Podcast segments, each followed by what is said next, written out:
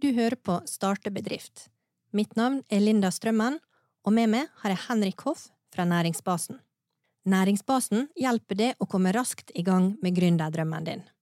Vi har oppstartspakken, som inkluderer alt du trenger for å etablere din bedrift, og rådgivere som veileder deg på veien.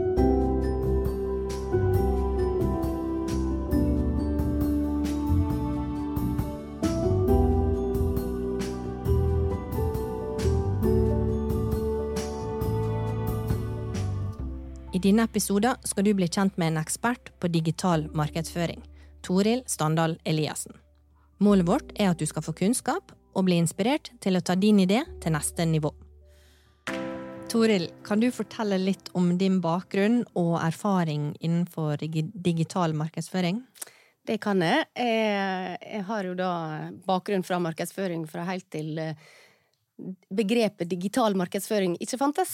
Det var jo analog markedsføring. Så jeg har studert markedsføring og jobba med det i, eh, i legemiddelindustrien først. Eh, for å, å, selge rett og slett reseptvare gjennom offentlige anbud og så videre. Så det er en helt annen form for markedsføring. Eh, før jeg Gikk over til IT-bransjen og digital markedsføring eh, gjennom min rolle som markedssjef i eh, gründerselskapet Avento, som jeg kom inn i for ti år siden. Eh, og så bare for å avslutte erfaringa mi, så er vi i dag eh, inne i mitt andre Jeg har akkurat fullført mitt andre år som daglig leder for dette selskapet, og i fjor så bytta vi brand. Da blei vi eh, Today et helt ukjent eh, brand, så jeg har aktivt bygd bro mellom gammel og ny merkevare, for vi hadde mange fine assosiasjoner og eh, håper å etterlatt inntrykk med den tidligere merkevaren vår, som vi nå måtte prøve å bygge inn i ny merkevare. Og da har eh, rett og slett daglig leder vært den som har fronta brandet mest gjennom personlig branding, som er en et fenomen som kommer mer og mer, og der har jeg brukt LinkedIn som plattform. Eh, så det har jeg også gjort med noen erfaringer som jeg gjerne vil dele i dag. Kan du fortelle litt om hvorfor dere vil ville ha et nytt brand, og hvorfor dere begynte å bygge det opp? Eh, ja, det, vi var jo tidligere eid av, av Visma, som er en veldig sterk merkevare. Og jeg håper å si på godt og vondt. Det betyr at når man går ut av Visma og skal danne et helt nytt selskap, vi fikk nye eiere, så, så innebar det selvfølgelig at vi måtte ha nytt navn. Og da ble det kjørt en eh, ganske grundig prosess der eh, ansatte fra Vi er 25 selskap da, som er med i dette konsernet. Eh, der deltakere fra mange av bedriftene fikk være med på å finne navn. Og så kan jo vi være enige om at det var litt mer komplisert enn vi hadde sett for oss. For det er ikke så lett å finne et ledig domene i .no, .se, Finland, og vi har til og med Litauen. Og når vi endelig fant et navn, så kanskje det ikke fungerte så godt i f.eks. Finland eller Litauen. Så, da, ja, så vi kom til slutt frem til navnet Today. Uh, og da uh, er jo det en enormt spennende mulighet, for da har vi sjanse til å bygge inn verdier og assosiasjoner inn i den merkevaren, som er de vi ønsker å formidle ut i markedet. Og da er det viktig at ledelsen uh, setter seg i førersetet og, og går foran som et godt eksempel. Er det det må startupene, altså gründerne, må de tenke på det eh, fra starten av og bygge opp eh, totalpakken rundt eh, navnet sitt, konseptet sitt, når de skal etablere den digitale markedsføringa? Ja, jeg tenker jo eh, selvfølgelig at merkevare er veldig, veldig, veldig viktig. Og så tror jeg, jeg kan med sikkerhet si at en gründer ikke har kapasitet eller budsjett til å gå inn i en dyp merkevareprosess med det første. Men jeg tenker det er viktig å, å, ha et bevisst forhold til hvem er det jeg ønsker å være, hva er det vi ønsker å formidle, og hva er det vi ønsker at mottakerne skal sitte igjen med etterlatt inntrykk. Det er tre punkt som, som, jeg i hvert fall alltid tenker på når vi skal bygge et brand. Og, og, og prøv å tenke litt større enn det, det, at du faktisk bare er én person i starten med en liten idé. Eh, prøv å tenke hvordan kan dette her skalere. Hvordan kan jeg klare å gjennomføre nå og, bygge en plattform som andre kan hjelpe med å bygge videre på seinere? Er det vanskelig for startups å finne ut hva plattformer de skal gå inn på? Ja. ja.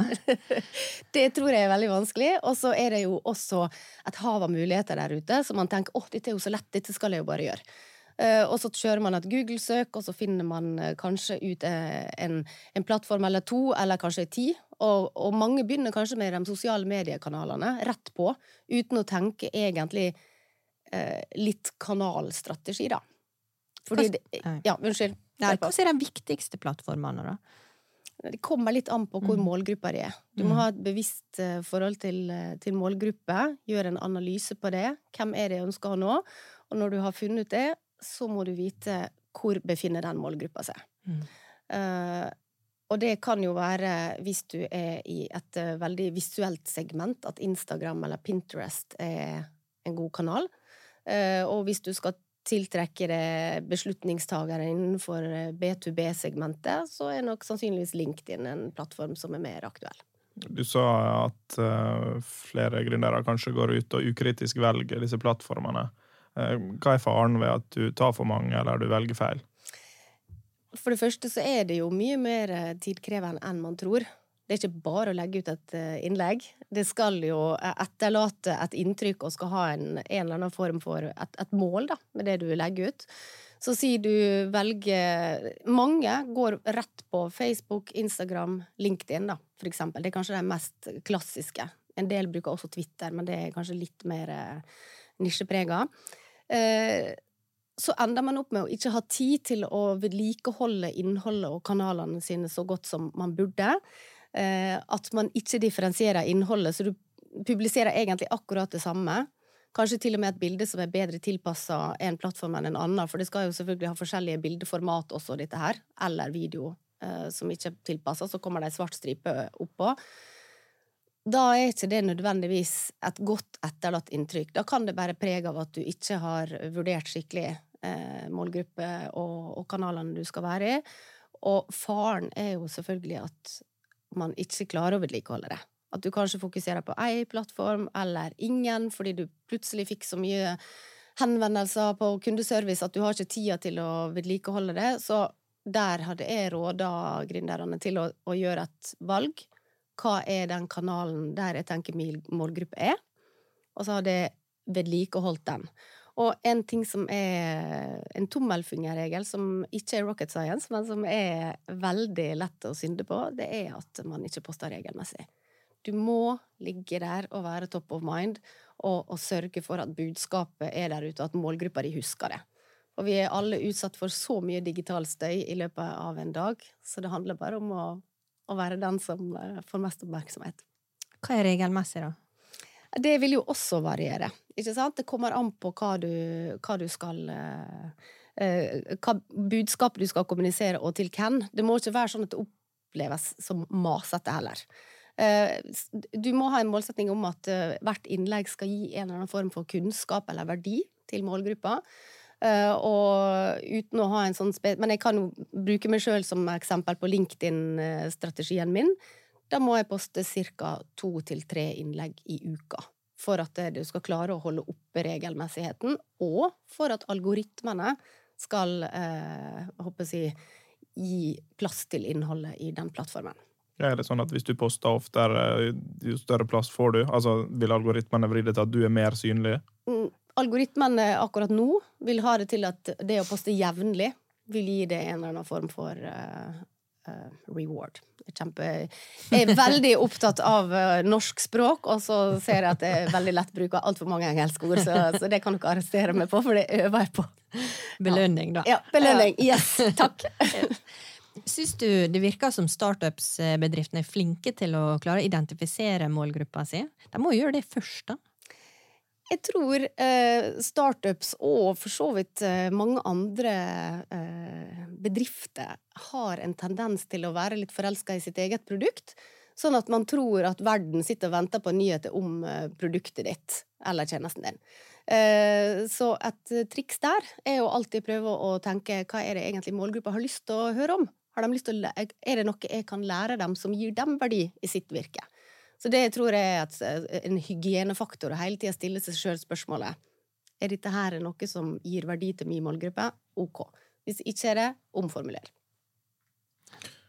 Du sa tidligere at for mange så kan det være litt dyrt i starten. Hvordan kan man starte en oppbygging på en mest kostnadseffektiv måte?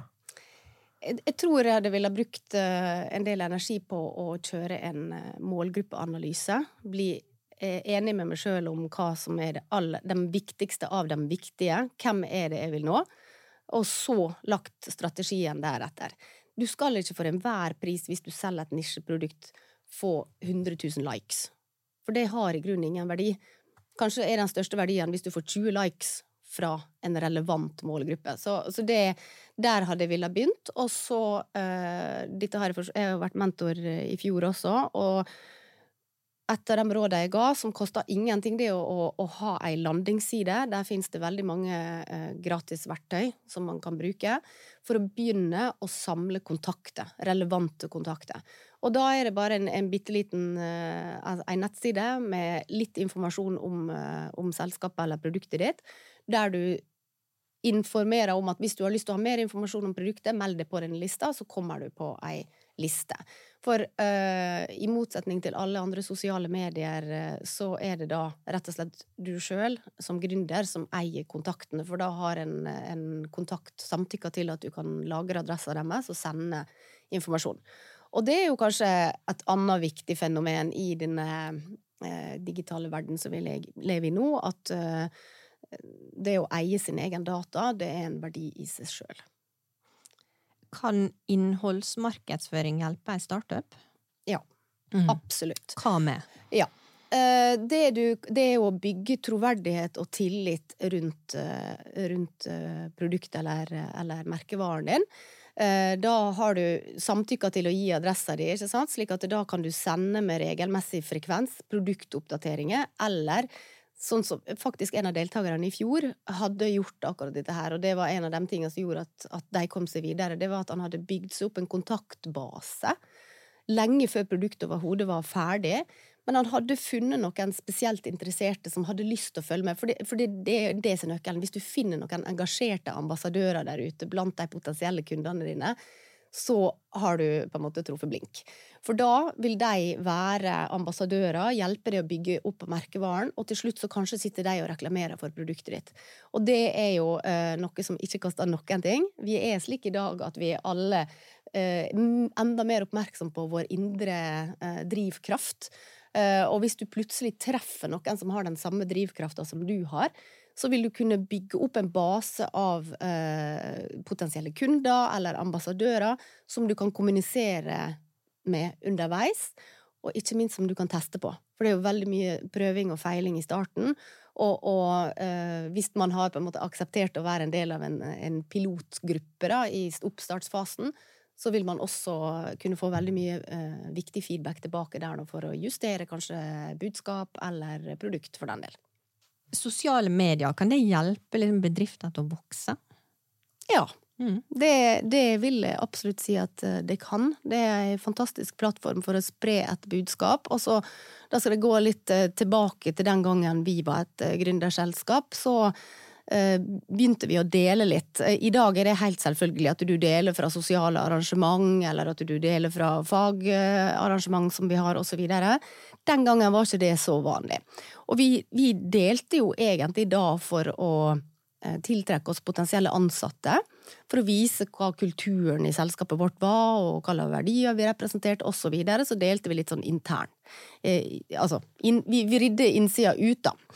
Eh, og det var nytt på det tidspunktet. Og da endte det opp med at veldig mange av våre ansatte kom tilbake og sa wow, nå er det alle som vet hvor jeg jobber jeg er skikkelig stolt av å jobbe her. Så da endte vi opp med å ha veldig stolte eksisterende ansatte på noe som vi egentlig tenkte på å trigge dem eh, nyans, eller potensielt nyansatte. Da. Og det ga en, en fantastisk bieffekt som vi ble bevisst på, og til slutt endte opp med det vi i dag kaller en employer branding-strategi. Det hadde ikke det navnet på det tidspunktet. Men det er jo et eksempel. Så den, eh, i, i den settingen så var jo målgruppa vår rekruttering og potensielle ansatte. Og så får du en økt medarbeidertilfredshet fordi at det ansatte blir stolt av, å se, se, hva firmaet står for. Og det er jo da et godt eksempel på at det igjen ga oss enda flere potensielle ansatte og fornøyde medarbeidere. Så, så det er et godt eksempel. Ja, er ikke det markedsføring i seg sjøl òg, da? For de som er stolt av å jobbe der, de vil jo fortelle det til andre? Ja, nå, nå er jo det blitt eh, et, et, et nytt fagfelt innen, i, i grensesnittet mellom HR og markedsføring, employer branding, der man nå er mye mer bevisst på å vise hvilken strategi man har for å utvikle de ansatte, for å tiltrekke seg nye ansatte, eller for å, for å ha en karrierevei, eller kulturen, eller uh, fagfokuset som er i bedrifter. Eh, og det er nesten, eh, jeg håper å si, et krav fra dagens arbeidstakere. Man viser jo bedrifter Man er jo ekte, da. Og det er jo omgivelsene setter jo pris på det, å se den ekte innsida. Og så forplikter det vel litt, tenker jeg, i forhold til eh, de ansatte. Ja. Eh, det er jeg helt eh, 100 enig i, og der skal en være en, eh, jeg jeg skal være enig. Jeg skal være åpen på at eh, jeg av og til må gå i diskusjon med meg sjøl. Hvor åpen skal man egentlig være? Eh, og så de gangene jeg har kjent på at eh, ah, jeg er kanskje litt for åpen, så er det alltid rett. Ja. Men det, det, det koster meg litt. Det- Det koster jo meg mer enn jeg hadde sett for meg, for jeg har alltid hatt en sånn nei, jeg skal være åpen. Det er min strategi, det er min lederfilosofi, og så plutselig så kommer det en situasjon der jeg åh, ok, dette her er ikke sikkert jeg syns er så behagelig å dele, eh, men så må jeg jo bare nødt til å gjøre det for å være troverdig. Ja, men så kan det sikkert også være litt sånn at uh, omgivelsene kanskje kan tenke at uh, nå er de mye, eller nå snakker Ja. de mye om seg sjøl? Og så er det egentlig en bevisst strategi, og ikke et behov for å vise frem seg sjøl, men ei bedrift. Det er jo viktig å liksom ta det i betraktning, da. At uh, Ja. ikke, medarbeiderne gjør ikke det for å selge seg sjøl eller promotere seg sjøl, de snakker frem bedriften si. Ja, og det Vi har jo i dag aktive ambassadører som vi hjelper med innhold, da. Som de kan publisere i sine kanaler hvis de har lyst. Men det er jo selvfølgelig helt frivillig. Det er kun fordi de har lyst. De har meldt seg som ambassadører, og de, de eh, ønsker å gjøre det. Uh, og så, Da er det jo sånn dette her med å være åpen. Da kan du jo risikere at plutselig en av dine ansatte poster noe som du ikke nødvendigvis eh, ønsker at de poster. Men det er medaljens bakside. Man må jo nødt til å Vi er frie mennesker og må få lov eh, å stole såpass mye på våre medarbeidere at vi tenker at de har vurderingsevne. Mm. Um, jeg har jo hørt om ordet søkemotoroptimalisering. Um, hva er en startup med å tenke på uh, når det kommer til det? Ja, det er å være eh, konsekvent eh, eh, i hva man poster. Eh, da er det søkemotorene er det altså Google, Bing, eh, Yahoo. Det er vel kanskje de som er mest eh, brukt her i Norge.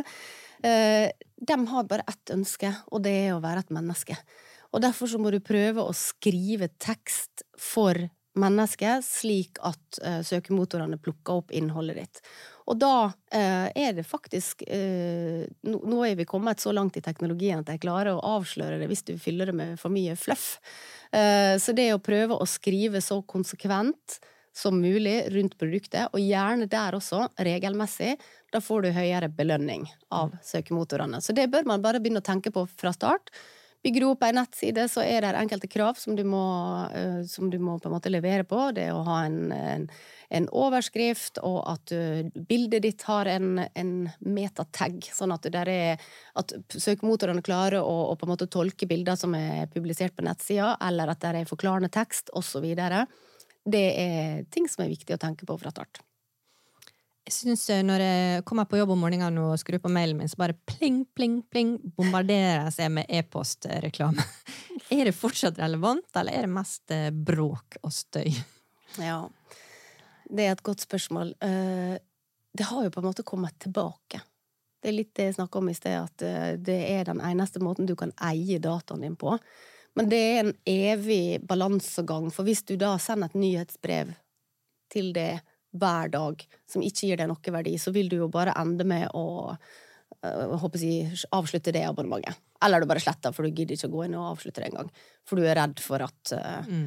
så, så jeg tror, hvis du skal lykkes med e-postmarkedsføring, så må du øh, levere verdi til målgruppa di som skal motta budskapet. En frekvens Altså, jeg hadde ikke anbefalt mer enn én gang i uka.